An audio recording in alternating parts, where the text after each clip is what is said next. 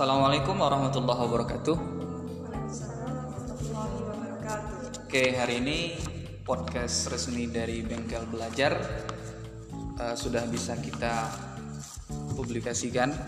Dan untuk episode pertama ini kita mau bahas satu isu yang mungkin eh, tidak begitu diminati oleh orang banyak, tapi cukup penting untuk dibahas karena eh, kasus-kasus mengenai topik yang kita bahas ini sudah mulai ada di sekitar kita. Ya untuk hari ini podcast hari ini ada tiga tamu. Pertama Agus Malini. Halo. Eh, kemudian Elena, Helena Doksik dan Linda Triwinurti. Oke, ketiganya mahasiswa PAI untuk semester 2 ya sekarang. Udah lunas SPP-nya? Udah, ada yang belum?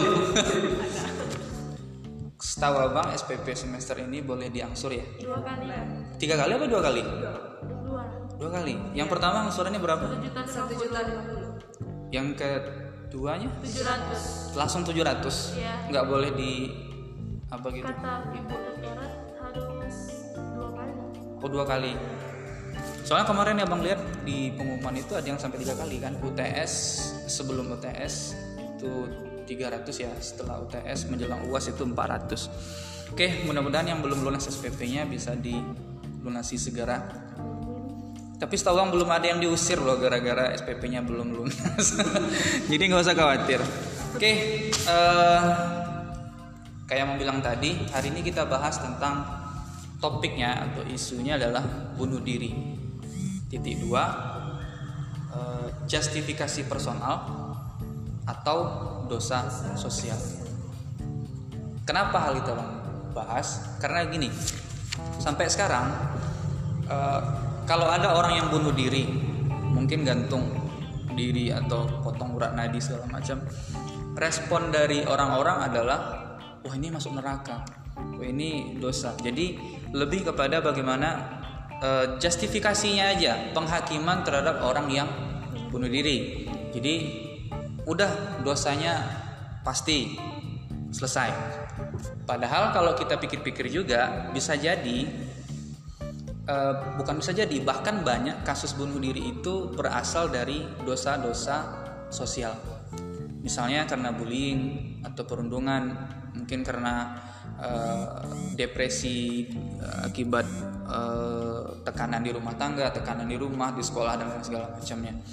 Nah sebelum mau masuk ke situ eh, kita mulai dari pembahasan yang paling mendasar dulu deh tentang bunuh diri itu apa. Abang kasih pengantar tentang PTSD ada yang tahu PTSD post traumatic syndrome disorder.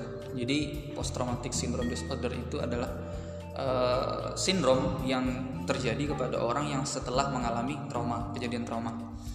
Eh, misalnya abang dulu pernah eh, jatuh waktu umur berapa tahun itu? Lima tahun kalau nggak salah. Luka di sini apa di sini? Ada bekasnya itu? Di kening ya kan? Terus eh, abang jadi trauma dengan jalanan yang ada batunya. Dan ketika abang lewat di jalan yang ada batu. Nah jalan-jalan yang jalanan yang ada batunya biasanya abang agak-agak eh, merasa insecure merasa kurang aman terus kadang gelisah gitu. Itu contohnya. Jadi ada ada sindrom yang dialami oleh seseorang setelah kejadian traumatik. Nah ketika eh, traumatiknya semakin besar misalnya kayak korban perang terus mohon maaf yang ada juga yang KDRT atau yang broken home di rumah.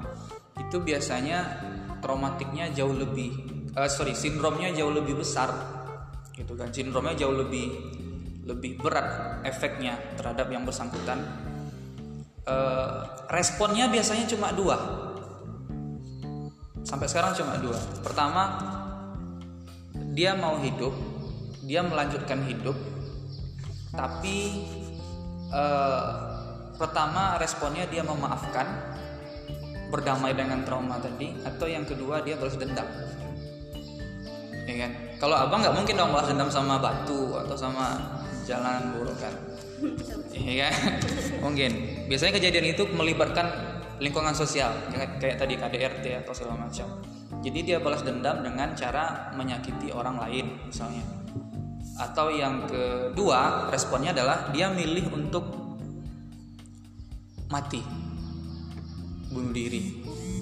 Salah satunya bunuh diri. Atau yang kedua dia pengen mati tapi tidak dengan cara bunuh diri. Misalnya nih oh gara-gara patah hati terus pergi ke Suriah. Mati-mati aja dah kena bom gitu kan. Ada yang kayak gitu. Jadinya eh, responnya adalah eh, seperti itu. Ada yang milih bunuh diri ada yang eh, dia tidak bunuh diri tapi merelakan nyawanya hilang untuk satu alasan atau sebab kematian gitu. Jadi dia nggak peduli lagi dia mau hidup dia mau mati tapi yang penting memang tujuannya dia mati gitu tapi nggak bunuh diri. Nah pertanyaan abang eh, pernah nggak kalian merasa di posisi itu? Pengen bunuh diri atau kepikiran pengen bunuh diri? Iya. Kalau anak personal sih pernah bang. Soalnya waktu itu masalah pribadi juga sih bang. Masalahnya masalah keluarga. Di satu sisi kadang keluarga itu tidak hanya terfokus kepada kita, tapi juga terfokus. Enggak, maksudnya dia tuh nggak adil di dalam membe apa membedakan anaknya. oh pilih kasih gitu Pilih kasih gitu. Jadi Iya, iya. satu sisi kita ngerasa beban pun gak hanya dari keluarga tapi juga dari sekolah gitu dari teman-teman pun banyak yang nggak mensupport gitu jadi di saat kita terkena tekanan itu ada beberapa pikiran untuk berpikir untuk mengakhiri ataupun untuk pergi dari dari kondisi yang sekarang. Dan mati pilihannya waktu itu. Nggak sempat ke sana. Maksudnya ada oh sebab terpikir sempat terpikir. Tapi, tapi ya. tapi nggak dilakukan. Enggak, ya tapi berarti gini ngerasa waktu itu solusinya kayak cuma gini deh gitu. Dan niat gitu dan kalau Linda pernah nggak? Eh, sama Elna pernah terpikir kayak gitu dan kasusnya hampir sama bang. Eh, kalau Linda lebih ke keluar eh, apa masalah pribadi seperti ke keluarga sama sekolah. Jadi kalau di keluarga ya sama kayak Elena diperlakukan nggak adil gitu. Kan Iya. Eh, tapi kalau di sekolah itu kita berprestasi tapi kita dihina bang. Maksudnya dijudge dijelek-jelekkan gitu. Misalnya di misalnya gini nih kita deket sama eh, guru atau siapa gitu kan kita Iya. bisa atau apa ih anak mas lewat ih apa, apa gitu gitu kan gitu jadi kayak nggak punya teman lagi gitu. Jadi eh, waktu itu Linda sih nyikapinnya Iya. gini eh, apa namanya nggak nggak cuman dalam hal itu aja kok. Nggak nggak ada temen nggak apa-apa tapi masih ada orang-orang kayak guru-guru atau siapa yang kasih support ke Linda gitu. Nggak nggak boleh eh, untuk itu. Jadi sempat kepikiran ya? Sempat banget bang kalau Lini? Kalau ini kalau masalah kalau pengen bunuh diri saya nggak soalnya ini kan orangnya agak enjoy dikit. Hmm. kalau ada masalah tuh ya udahlah ada masalah jalani aja gitu. Soalnya kalau mal ini sih tipe kalau orangnya eh, nggak suka nutup diri bang. Kalau Iya. misalnya mal ini ada masalah atau apa gitu ngomong langsung sama orangnya. Saya misal- misalnya mal ini punya masalah nih sama abang atau apa langsung ngomong gini mal ini nggak suka cara kamu gini gini gini karena eh, rasanya juga nggak nyaman kalau misalnya kita ketemu di jalan atau di di mana pun itu gitu. Apalagi kita sering eh, berinteraksi baik di sekolah kalau misalnya sama teman nih bang kalau baik di sekolah di jalan maupun di mana di eh, kalau misalnya sama keluarga pun kayak gitu. Aku kalau sama ayah sama ibu jujur aja mal ini nggak suka cara gini gini gini pak eh, mak gitu kan. Oh, ya. soalnya mal ini orangnya lebih terbuka bang. Maksudnya kalau sama ya enjoy aja kalau misalnya ada masalah nggak ada kepikiran sampai bunuh diri gitu. Nggak ada kepikiran sampai ke situ. Iya. Kalau abang dulu sempat mikir pengen bunuh diri tapi abang mikir lagi mikirnya gini kalau seandainya abang bunuh diri mati terus siapa yang masalah nggak akan selesai gitu ya selesai. Oh, masalahnya itu masalah baru lagi di dalam kubur kan. Jadi kalau kita bicara dimensi iman ya, karena kita Islam. Tapi selain itu, ada satu lagi yang abang mau pikirin juga. Kalau abang mati, eh, eh sorry, kalau abang hidup, maksudnya nggak pilih bunuh diri nih, abang ada peluang untuk balas dendam. dengan cara yang baik bang Hah? dengan cara yang Balas dendam itu konteksnya bisa positif, bisa negatif ya. Oke, kalau yang positif boleh, yang negatif abang bilang boleh kayak gimana ya? ya negatif juga bisa jadi, bisa jadi negatif, bisa jadi positif. Cuma begini, ketika kita hidup, lanjutin hidup, balas dendam, yang jelas kita punya kesempatan setelah itu untuk tobat. iya kan? Maksudnya gini, kalau abang mati bunuh diri, Eh, biasanya kasusnya kan putus cinta biasanya kan? Iya, putus cinta. Patah hati terus "Wih, bunuh diri tembak kepala gimana gitu. Eh, mati ya, dapat dosa tobat nggak bisa. Pokoknya udah selesai semua gitu. Tapi kalau kita milih hidup balas dendam bisa kan? Dicegat di jalan terus digebukin gitu. Habis itu tobat kan bisa tapi intinya gini kalau hidup kalau kita mi- memilih untuk hidup ini abang ya kita lebih memilih untuk hidup artinya kita punya opsi yang lebih banyak untuk pilihan selanjutnya. Tapi kalau mati kita nggak punya opsi lagi. Opsi yang kita pilih eh opsi yang kita bisa dapatkan cuma satu ya itu apa yang dihadapi waktu lagi ya di dalam kubur kota sama malaikat muka nangkir ngapa bunuh diri gitu ya kan ya cuma itu doang gitu nggak yang bisa. Kalau abang ya. Boleh abang tahu nggak? Berarti Elena niat pengen bunuh diri eh, kalau si gini kan Nggak ada nggak sampai nggak pikiran gitu bang. Eh, terus Linda juga pernah. Pernah nggak sampai mikir eh, kalau memang pengen bunuh diri pengennya kayak gimana? Bunuh dirinya kayak gimana? Cara gantung diri terjun dari jembatan nabrakkan diri ke mobil atau gimana? Yang kepikiran waktu itu gimana kalau dirinya apa ya kalau bunuh dirinya nggak nggak langsung gitu loh Jadi? maksudnya pasti. Kayak mana tuh? Kalau ada nggak nggak gitu. Saya eh, apa namanya bunuh dirinya tuh pengennya ya nggak sakit tapi langsung mati. Tembak kepala.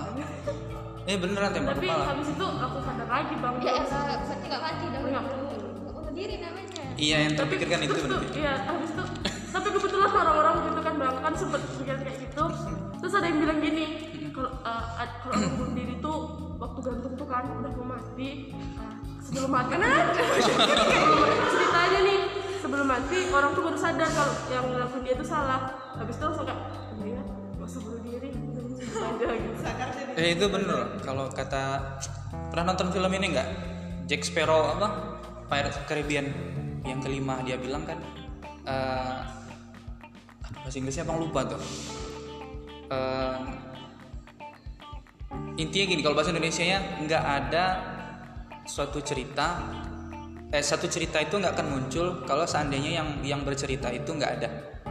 Karena gini di waktu itu lagi nyam- lagi lagi ada mitos ada mitologi kalau di lautan itu.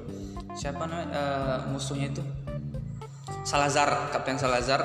Dia kan bunuh bunuh bajak laut eh bu- bunuh kap bunuh awak kapal bunuh bajak laut. Terus dia bilang eh, orang bilang itu cuma mitos padahal dia ada. Terus kata Jack Sparrow itu cuma mitos kata yang lain kan. Dia bilang gini kalau mitos dari mana eh sorry nggak ada yang bisa hidup. Ah sorry ada yang nggak ada yang bisa hidup kalau ketemu sama Kapten Salazar katanya. Dan intinya kalau ketemu sama dia pasti mati semua. Terus kata Jack Sparrow gini kalau semuanya mati ceritanya tentang dia tuh dari mana datangnya? Katanya. berarti kan ada orang yang di berarti ada orang yang dibiarin hidup intinya intinya kayak gitu deh. Jadi milihnya cari yang mat, cep, mati yang cepat oh Hah? dia masih pilihnya sekarang loh gak pisau? Ya udah sekarang kemarin nggak ada bilang bang karena udah tobat duluan. Kalau Elena? Eh, kalau Ana sih sama sih kayak Linda maksudnya pengen bukan maksudnya pengen sesuatu prosesnya cepat tetapi tidak menyakiti diri Nah, sendiri. betul dan waktu itu kepikirannya sih kayak minum kayak minum gitu tapi apa begitulah tapi sewaktu waktu lagi tren pakai busa-busa tuh. Musuh-musuh terus sewaktu kepikiran kayak gitu tiba-tiba kayak ada bisikan kayak gitu "Eh, nggak usah deh ngapain kayak gini kan masih ada Allah serahkan aja semuanya sama Allah. Kenapa kita tiba-tiba hanya ingin meng- mengakhiri hidup cuma karena masalah kayak gini? Kayak gitu. Jadi nggak nggak jadi gitu. Jadi. tiba-tiba kediam terus kalau mikirnya waktu mau waktu mau bunuh diri itu kalau gantung diri sakit loh. Nah kan? Soalnya tulang ini kan patah tuh. Oh kalau bunuh diri. In- ini masih hidup. Jantung kan masih ber- berdetak terus otak kan masih apa? Masih sadar tuh untuk untuk beberapa menit kalau kita gantung diri. Yang hancur kan cuma ini. Cuma syarafnya dulu. Jadi butuh berapa menit gitu untuk betul-betul mati. Akhirnya bentuk lepasnya. Sakit kan lama terus kalau ini potong ini juga sakit Eh, ngabisin ini tuh kan lama dan ngabis ngabisin darah keluar tuh kan lama kalau nabrakkan diri ke kereta Iya kalau mati bang. Ya itu dia. Kalau mental terus yang buntung cuma sampai sini kan, yang ini nggak mati sakit juga. Terus kalau terjun dari jembatan, akhirnya kepikiran waktu itu pengen tembak kepala. Otak. Karena katanya kalau syarafnya langsung, karena syaraf pusat syaraf sakitnya itu yang di dihancurkan dulu katanya. Tapi untuk untuk berapa detik katanya, untuk untuk sepersekian detik itu masih ngerasain sakit juga. Katanya jadi nggak ada mati itu yang mati tenang nggak ada mati itu sakit semua ya kan oke terus berapa lama dulu perasaan pengen bunuh diri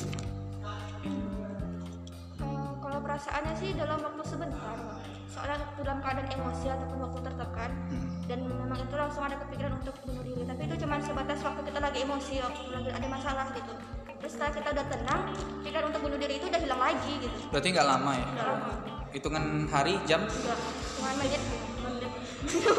Labil ya. Labil. Maksudnya aduh aku pengen bunuh diri. Pas keluar dari kelas nggak jadilah nanti aja. Gitu Ini kayak gitu konsisten. Ya gak apa-apa dengan bunuh diri Iya, ya. nggak apa-apa kalau Linda kayak gimana Ya kalau pas tertekan itu aja sebenarnya. sama kayak Ellen berarti labil ya Tapi habis itu cuma Gaya-gayaan. kepikirannya sekali doang bang. Tapi habis itu nanti kalau depresi lagi nggak kepikiran tuh itu. Pikirnya yang lain. iya masalah Kalau stres biasanya reaksinya gimana? Karena kita kalau lagi stres, lagi ada tekanan itu beda-beda loh. Ada yang nggak makan-makan, ada yang gitu.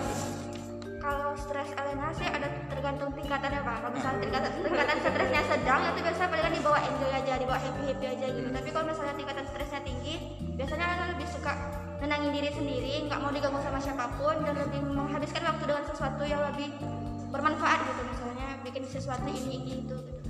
Kalau Linda, kalau lagi stres, apa ya? Kalau ini tingkatnya tinggi ya bang. Iya. Sedang biasa disenyumin gitu. Tapi kalau udah itu biasanya nafsu makan hilang. Nggak makan makan. Nggak mau makan-makan. tapi habis itu bikin karya bang misalnya kita bikin nulis nih nanti bikin Ya. novel bikin cerita-cerita gitu Eh, habis itu kita misalnya masalahnya misalnya apa gitu kan bang nanti Rina bikin satu ceritanya gitu jadi kayak lebih menuangkan. Lebih produktif jadinya kalau ya stres. jadi Sering-sering aja stres. Sepi. ya kayak gitu sih bang Ta- tapi itu lega gitu langsung kayak stresnya hilang aja gitu Kalau Lini? Kalau lini stres eh, tergantung sih bang. Kalau misalnya masalahnya tuh emang rasanya nggak siapa pun yang paham, termasuk keluarga misalnya nggak paham, ya Lini nutup diri sendiri. Eh, misalnya dia pasti tak nanti orang-orang terdekat pasti tahu dia Lini lagi ada masalah nih, gue ganggu atau apa gitu. Tapi kadang ada juga teman tuh yang jengkel udah tahu kita diam gitu kan, biasanya ada sini, apa lini apa lini Ka- kadang kita tuh pas posisi itu nggak mau cerita gitu sih Iya. kan. Cuma dia kadang lagi sewa ya dia nanya gitu. Tapi kalau misalnya masalahnya rasanya tuh bisa dipahami lah sama orang lain ini cerita bang soalnya ini kan nggak apa orangnya nggak nggak tertutup gitu. Malah ini sukanya lebih mana ya eh, lebih suka curhat gitu Lebih suka cerita. Iya, kalau buat karya kayaknya enggak. Soalnya ini tuh kalau orangnya eh, nggak suka apa ya? Kayak nulis apa tadi nulis cerpen, nulis ini tipe kalau orang nggak suka apa hidup terstruktur gitu. Ini Iya, iya. sukanya lebih kayak mana ya? Kalau suka jalani, kalau nggak suka ya udah gitu. Kalau misalnya dipaksa mau stres harus bikin karya nih gini-gini nanti eh, ah, nanti berguna sebagai orang lain enggak gitu. Kalau kayak gitu. Kalau bang kalau stres makan abang tambah banyak loh. iya serius. Jadi kalau kalau seandainya kalian lihat abang makannya banyak tuh, abang lagi stres tuh. Abang ke makanan perginya, ke makanan pergi. Jadi jangan bilang orang kurus tuh pasti stres ya atau orang atau orang yang gendut itu hidupnya bahagia belum tentu loh gara-gara jadi gara-gara stres kan. Oh bang itu. Dulu waktu SMA abang juga suka sama kayak Linda. Jadi kalau lagi lagi ada masalah biasanya ke situ perginya gitu. Nulis Nulis. nulis. dan ada satu ada satu momen di mana abang waktu itu nganggapnya gini kayaknya kalau mau produktif abang harus stres dulu langsung depresi dulu. Dan abang memang sering cari masalah dulu SMA supaya bisa bikin sesuatu gitu. Tapi itu negatif ya. Negatifnya gini negatifnya karena nyiksa diri sendiri kan gitu. Kalau stres mengalir aja kayak Iya. mengalir gitu kayak kayak nggak terduga gitu eh kok habis itu nanti udah habis terus tengok lagi loh kerja gue gini ya Allah misalnya kan kayak patah hati lah orang sering stres kan uh bikin lagu uh. Kalau ini tuh. tipe kalian gini bang, kalau misalnya nulis pernah sih kepikiran tuh nulis gitu kan. Hmm. Tapi mungkin karena orang yang nggak suka ribet, jadi bicara sendiri aja gini gini. kalau mal ini jujur ya bang, kalau mal ini suka bicara dalam hati. suka bicara sendiri loh Hmm, nggak tahu kenapa. Kalinya.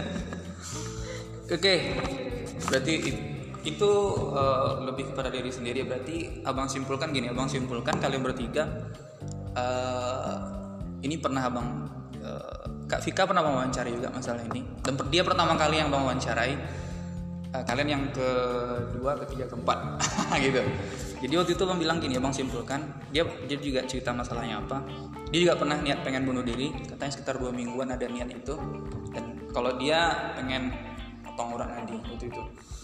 Eh, abang simpulkan gini, permasalahan berarti kalian belum ketemu dengan satu titik di mana kalian pengen bener-bener nggak mau hidup lagi. Iya bang ya. Artinya gini, artinya kalian belum sampai ke situ dan ini nih yang berita buruknya adalah berita buruknya adalah berarti setelah ini ada masalah berat yang akan datang sama kalian. Karena yang itu udah lulus tuh tesnya kan, yang itu udah lulus tesnya. Berarti nanti setelah ini bakal ada lagi yang lebih berat daripada itu. Lo masalahnya nggak tahu apa. Bisa jadi dari keluarga, bisa jadi dari teman, bisa jadi dari pekerja atau lain segala macam. Jadi kan orang yang kita kenal dekat selama ini. Bang bukan aku nakutin ya. Tapi biasanya gitu. Jadi ada satu, dua, tiga. Jadi ting- masalah tuh kayak tingkatan. Kalau lulus tingkat sini kita naik lagi ke atas. Biasanya gitu. Gak ada hidup tuh yang aman-aman aja. Jangan tegang. Oh, Santai aja, santai, jangan tegang. Oke, itu kesimpulannya. Kemudian yang kedua, berarti eh, Bang simpulkan kalian menganggap bahwa bunuh diri itu sesuatu yang apa ya? Ah, tidak menyelesaikan masalah dan itu nggak penting banget untuk dipikirin gitu. hidup masih enak. nah itu tadi. Bisa balas dendam. Nanti bisa tobat lagi kan kalau kayaknya udah bunuh orang nih. Tobat lah. Kalau udah balas dendamnya udah gitu. Tapi kalau udah mati kan nggak bisa kita gimana mau tobat kan dalam kubur udah dihitung semua oke terus sekarang kita lebih fokus kepada yang ada di luar diri kita Eh, menurut kalian orang yang bunuh diri dengan cara apa pun salah apa enggak? Jangan cara mau gantung diri, mau potong urat nadi, mau terjun dari jembatan terus. Apakah dengan bunuh diri itu, sorry, apakah yang dia lakukan itu salah? Salah nggak? kan kalau sudut pandang orang kan berbeda-beda kan kalau Iya. menurut Mal ini. Ya jelas salah gitu. Sama gini kalau masalah eh, masalah tidak bisa diatasi hanya hanya bisa dengan bunuh diri gitu kan. Tuh kalau dia bunuh diri pun masalah nggak akan selesai. Malahan orang misalnya orang yang jahatin dia pun nggak akan sadar kalau eh, penyebab kematian dia itu karena si dia gitu. Eh, jadi untuk apa bunuh diri? Karena pada dasarnya kan eh, bunuh diri itu hanya bisa eh, pertama itu kalau cara gantung diri atau pakai apa tadi? Pisau atau apa segala macam itu cuma menyakiti diri dia sendiri. Malahan masalah dia yang ada menyakiti dia sendiri dan dia juga menyakiti dia sendiri bukan malah menyelesaikan masalah dia tadi.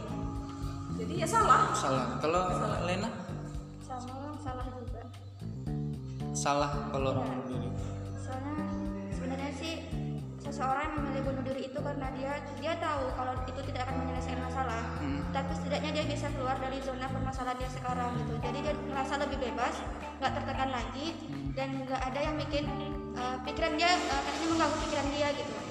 Tapi sebenarnya kalau dia dilakuin hal seperti itu dengan memilih untuk menenangkan pikiran ataupun meng- menghindar dari permasalahan yang dilakukannya sekarang dengan cara bunuh diri ya itu memang sebenarnya salah juga. Karena suatu masalah itu sebaiknya diselesaikan bukan dihindari gitu.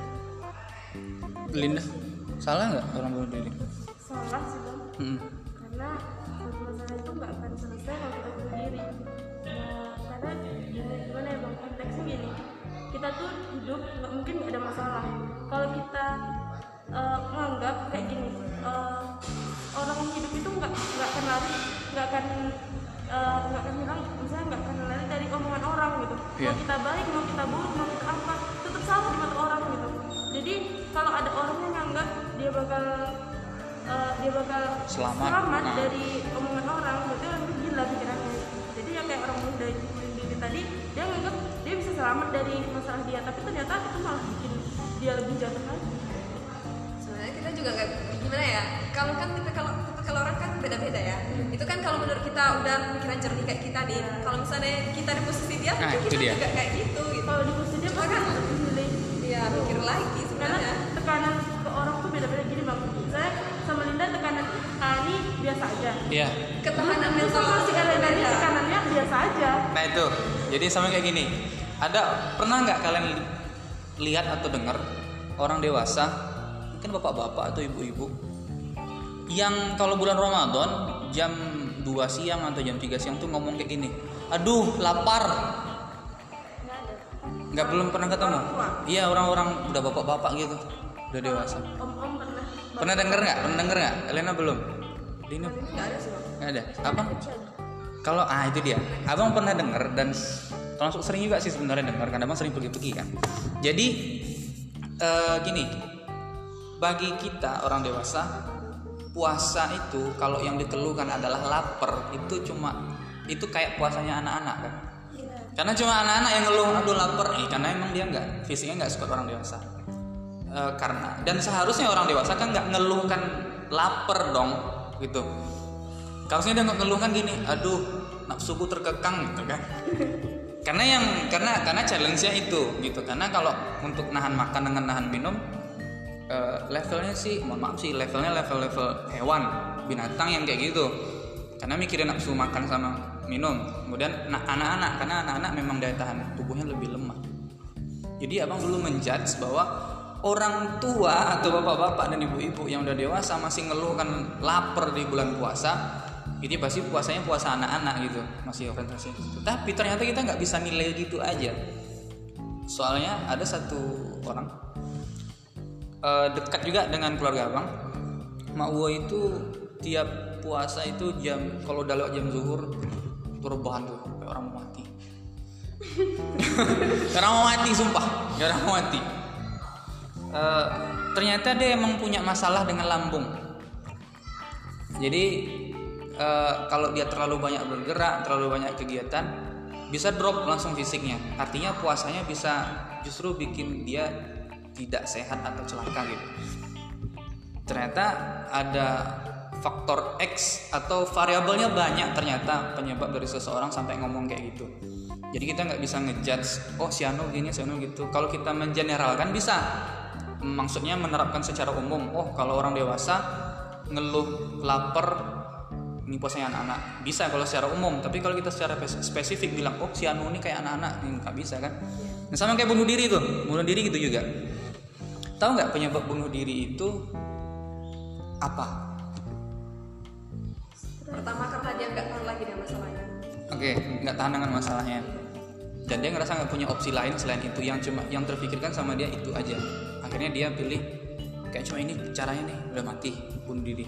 Kalau Linda? Merasa tertekan banget stres tekanan berarti sama kayak Linda ya. Tekanannya terlalu berat buat dia. Kalau Elena tekanan. Tekanan berarti abang simpulkan eh, berarti kalian nganggap bahwa eh, tekanan itu kan datangnya dari luar tuh bukan dari dalam. Artinya eh, dia nggak sanggup nahan beban dari luar atas masalah yang dia tanggung. Tapi tahu nggak ternyata bunuh diri itu juga bisa disebabkan oleh faktor kejiwaan. Dan faktor kejiwaan itu dipengaruhi juga dan itu turun turun temurun jadi ada gangguan bipolar atau kepribadian? Bukan bukan bukan ini bukan bukan kepribadian ganda. Bipolar itu kayak mood swing. Jadi moodnya tiba-tiba berubah. Tapi bukan mood swing mood swing beda sama bipolar tapi lebih kurang kayak gitu gejalanya. Menit ini dia ketawa happy happy satu menit ke depan saya jadi drop. Jadi tiba-tiba sedih aja gitu. Ada yang kayak gitu kan?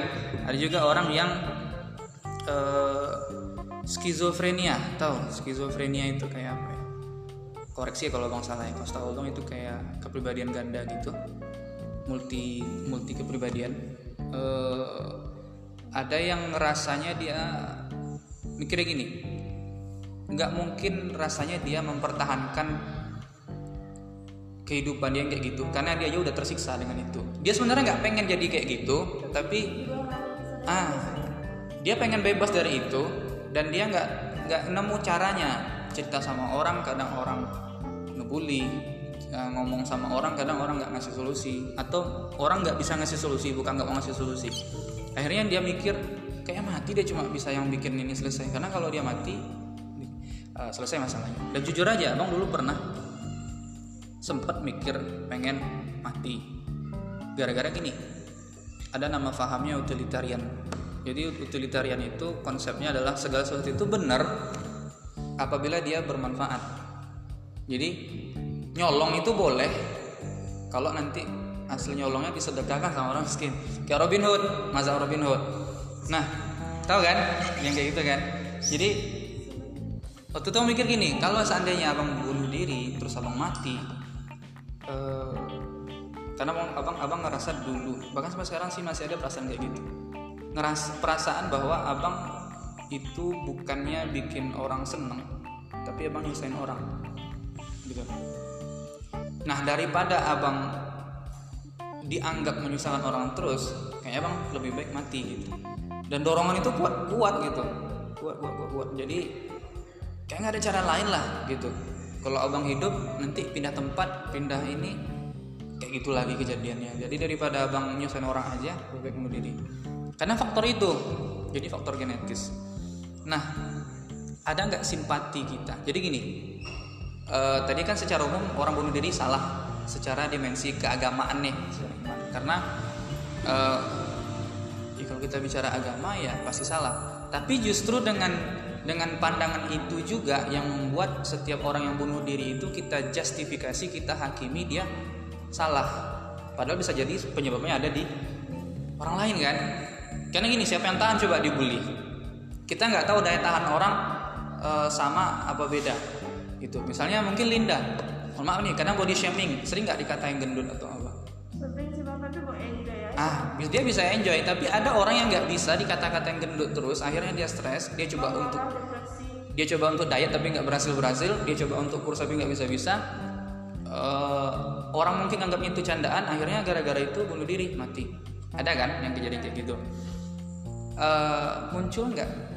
Pertanyaan gini muncul nggak simpati kalian dengan orang yang bunuh diri. Simpati ada.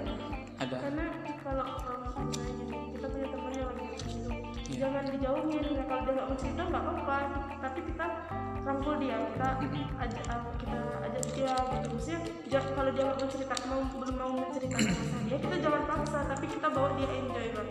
Karena dengan kayak gitu dia jadi mikir bunuh diri itu jadi jauh gitu. Kalau Elena hampir sama kayak saya kalau misalnya kita melihat seseorang bunuh diri gitu pasti ada rasa simpati kita kan. Ya mungkin berpikirnya kan memang biasanya kita berpikir loh kok sampai sih dia bunuh diri kayak gitu? Bla bla bla bla bla tapi sebenarnya dia juga memiliki masalah pribadi yang nggak kita ketahui bagaimana tekanan yang dialami. Dan rasa simpati itu pasti muncul gitu. Kita nggak bicara dosa ya kita nggak bicara pahala ya tapi bicara eh, kalau Lini gimana? Kalau Lili sebenarnya eh, tipe kalau dari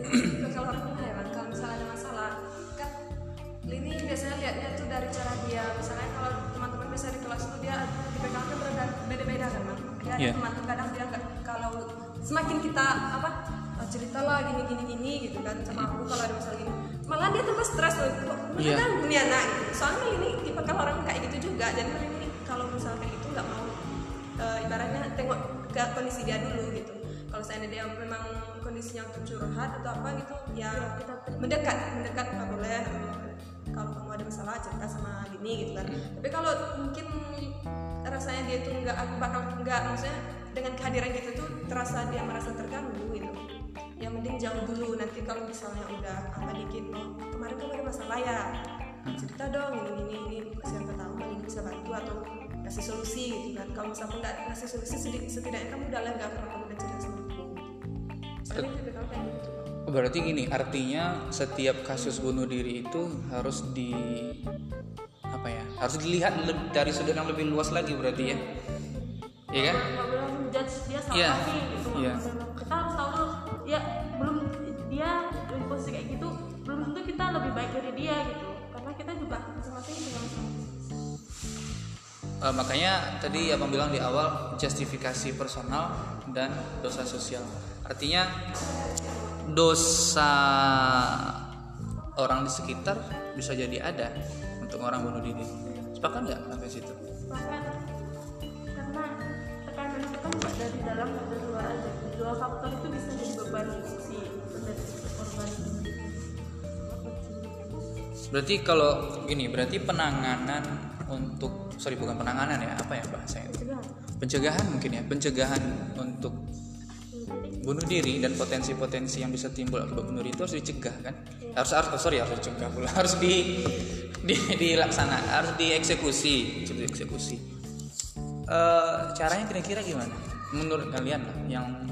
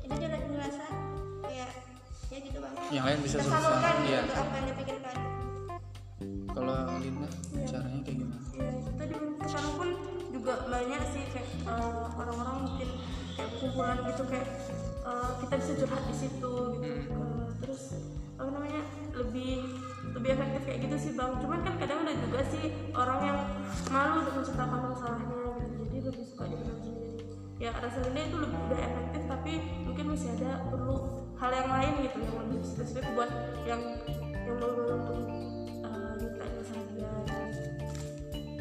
Lini Eh, kira-kira gimana caranya mencegah supaya orang tidak bunuh diri? Iya gitu. mencegah. Mencegah. Maksudnya bukan kondisinya gimana nih bang?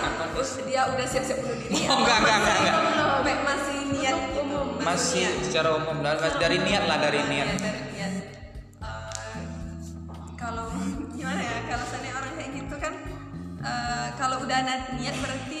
ada kemungkinan dia untuk melakukan kan bang Iya. jadi biar dia nggak melakukan berarti eh, jangan stop. Ya belum tentu dia untuk bunuh diri juga kan gitu. Eh, gimana ya bang? Kalau Malini sih orangnya susah bukan susah tipe kalau orang nggak mau ikut campur gitu kan. Eh, kalau misalnya ada masalah pun ya sekiranya dia ada masalah ya cerita doang gitu. Nanti kalau ada solusi ya kasih solusi. Misalnya kalaupun dirangkul soalnya tipe kalau orang nggak mau so asik. Misalnya Iya. iya ayo sini bareng gitu main hilangkan masalah kamu. Nggak gitu Malini itu nggak so asik. Ya kan Malini tipe kalau orang nggak Iya. nggak nggak suka so asik gitu. Kalau emang asik ya asik gitu. Emang nggak bisa dipaksakan. Jadi kalau mencegah susah rasanya. Susah juga. Kamu jangan gini gini paling diomongan doang kalau dalam tindakan mungkin enggak tapi gini eh, saya tanggepin usulan bukan urusan usulan sih yang ideal bang ini. Mencegah orang bunuh diri itu sebenarnya adalah membuat dia percaya kalau dia punya orang yang care dengan dia peduli dengan dia. Kalau orang mau mati mati aja lah kau. Kan gitu tapi ya a- ada sih yang kayak gitu.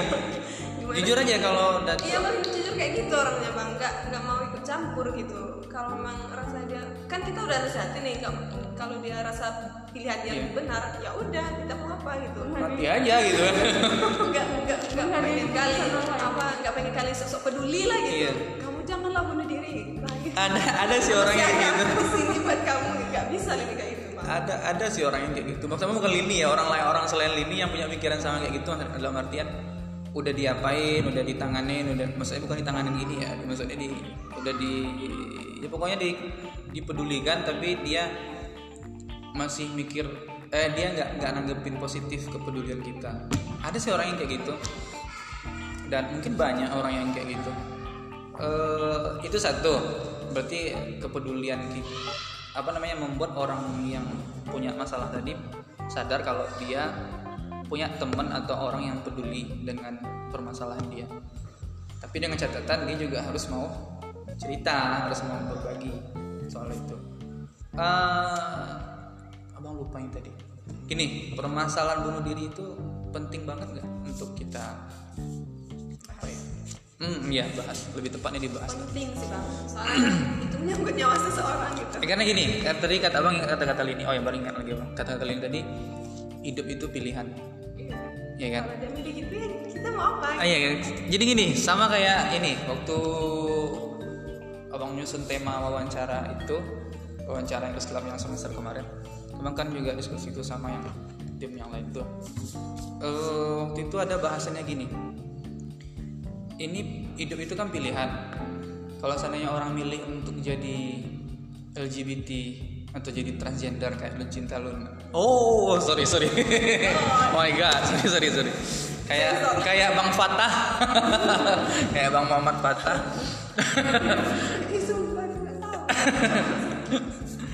Itu pilihan kan? Itu pilihan. Dan Abang takut juga sih dianggap liberal soal itu atau dianggap dianggap moderat tapi moderatnya yang liberal kan gitu. Bahwa hidup itu pilihan. Kita kita nggak bisa membatasin orang karena dosanya dosa dia. Cuma kita udah ngasih pandangan nih kalau kayak gini akibatnya ini kalau ngasih ini akibatnya ini. Dan perbedaannya adalah gini kalau dia cuma operasi kelamin ganti kelamin opsinya dia eh abang bilang tidak akan menyakiti diri dia sampai seperti itu. Karena nyawa nyawa itu menurut abang lebih penting daripada eh, kelamin daripada area reproduksi gitu. Kalau orang mikir buat mati pilihan orang untuk buat mati menurut abang itu nggak nggak harus dihargai gitu itu nggak harus dihargai gitu. Pilihan itu bukan nggak dihargai dalam konteks. Pilihan itu justru harus kita patahkan biar dia nggak punya pilihan untuk ke situ. Gitu. Setuju nggak? Iya, sebenarnya tapi kan iya sih kan kalau dia mau mati ya mati aja. Kalau dia mau hidup hidup aja gitu. Tapi ya bang kan eh, yang ngerubah hidup dia sendiri itu ya dia sendiri. Kalau orang lain cuma eh, ibaratnya pendorong dan hanya bisa mengasih saran gitu Ya sih, satu sisi abang ah, ini dia agak kontradiktif. Di satu, di, di satu sisi abang menganggap bahwa pilihan bunuh diri itu adalah pilihan yang buruk dan dia tidak boleh jadi pilihan. Bunuh diri adalah pilihan pilihan buruk dan dia nggak boleh jadi pilihan. Artinya orang nggak boleh mikir untuk bunuh diri. Tapi di sisi yang lain abang mikirnya begini. Kalau dia memang memilih untuk itu, abang anggap dia sudah tahu resikonya apa. Ya kan dia sudah tahu akibatnya apa. Berarti dia siap nanggung itu. Gitu dalam konteks apa pun. Termasuk bunuh diri tadi. Jadi bang sebenarnya juga bingung apakah orang bunuh diri itu memang harus harus betul-betul dicegah? Kalau dia mau lompat kita tangkep. Ya kan kalau dia mau gantung diri kita potong talinya ditahan gitu atau gimana.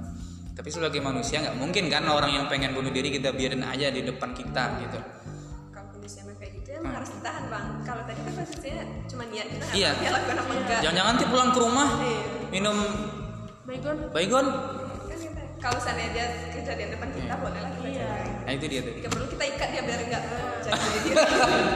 Biar sampai dia sadar gitu kan. Bang. apalagi kalau sampai kita kita kita atau gimana kita tahu dia ada konflik nih gitu. Kita kita apa udah tahu dia ada konflik nih kita apa. Soalnya kadang orang yang punya masalah nih bang. Iya.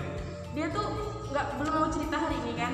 Tapi bener kalau kita biasa aja gitu sama dia terus kita bahayakan dia. Lama-lama dia ntar cerita gini loh sebenarnya kayak gitu. Kadang it- itu tuh karena orang lagi tertekan itu nggak bisa kita paksa tuh cerita dong cerita cerita iya sih nggak bisa ditekan. Karena dia lagi dalam keadaan down. Kan boleh? Kita paksa ini pertanyaan abang mungkin yang ini nih agak sensitif dan mungkin bisa jadi orang salah paham nih. Tapi abang pengen nanya, abang pengen nanya, menurut kalian seorang pengen bunuh diri yang stres kayak gitu, stres, kemudian efeknya salah satunya pengen bunuh diri, itu disembuhkan dengan rukiah? Menurut kalian kayak gimana? di satu sisi itu bisa bagus juga sih bang soalnya tertekan itu terkadang ada pengaruh-pengaruh dari luar diri kita sendiri buat orang lain tapi juga ada gangguan-gangguan yang nggak kita ketahui gitu gangguan gangguan misalnya pada Jin. jin, jin gitu. Bang. soalnya jin itu kan bisa datang dari mana aja misalnya dia tahu nih kita lagi tertekan bahkan jin itu bisa datang dengan mudah kepada orang-orang yang sedang mengalami masalah dan di saat sedang mengalami masalah jin itu semakin menghasut dia untuk bunuh diri aja dia ini ini ini, ini. Dia dapat bonus. nah itu bisa dirupiah setidaknya menenangkan pikiran dia dan Jadi rukiah itu harus ya. nggak harus tapi kalau memang misalnya Penting, dilakukan penting Oke sebaiknya oke. dilakukan paham, paham, paham. Kalau Lini? Rukia. Rukia itu kan nggak harus dia keraskan dulu kan bang. Rukia itu sebenarnya eh, kalau ini nanggapnya Rukia itu positif. Soalnya kan kita yang sehat pun kadang eh, boleh Rukia. Iya boleh. Eh, jadi orang mau bunuh diri di Rukia mana tahu bisa. meninggalkan pikiran dia biar nggak Rukia itu kan juga bisa menenangkan jiwa kan. Karena ada kalau kita baca Quran pun iya sih sebenarnya kalau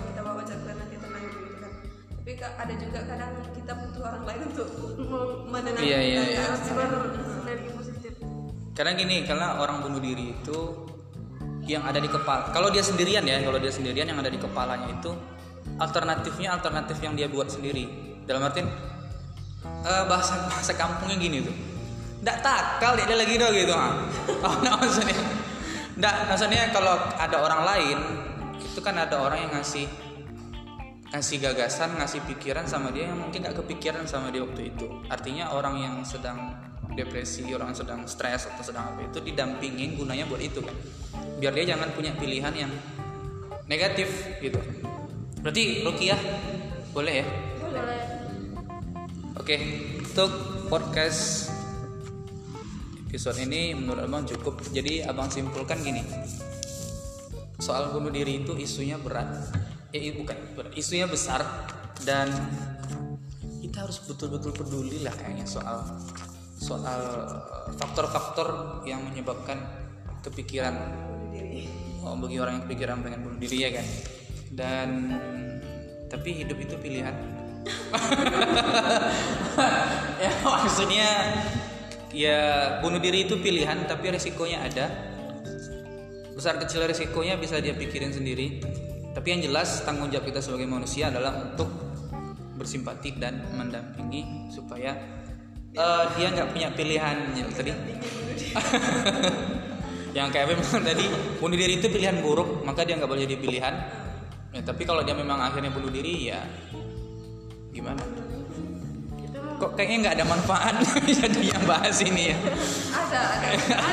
Mak- maksudnya kesimpulannya itu gitu enggak enggak enggak. Jadi ya mudah-mudahan setelah ini kita lebih care lagi soal manusia. Karena intinya gini bunuh diri adalah bagian terkecil dari pembahasan tentang manusia secara utuh. Karena manusia itu nggak bisa kita lihat secara umum. Beda sama, sama matematika. Matematika satu tambah satu sama dengan dua selesai.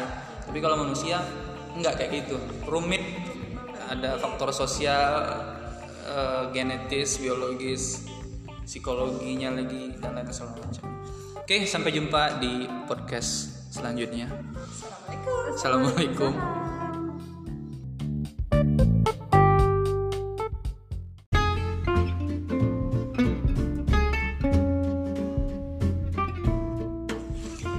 Assalamualaikum warahmatullahi wabarakatuh. Halo semuanya, selamat datang di podcast resmi Bengkel Belajar Edutaria, Himpunan Mahasiswa Program Studi Pendidikan Agama Islam, Fakultas Tarbiyah dan Keguruan Universitas Islam Kuantan Singingi. Podcast ini adalah wadah resmi yang kita gunakan untuk melakukan wawancara maupun diskusi dengan beberapa teman-teman di lingkungan Fakultas Tarbiyah dan Keguruan yang kita anggap punya pikiran menarik maupun pikiran yang radikal. Podcast ini akan diterbitkan secara berkala dan dapat diakses secara gratis. Assalamualaikum warahmatullahi wabarakatuh.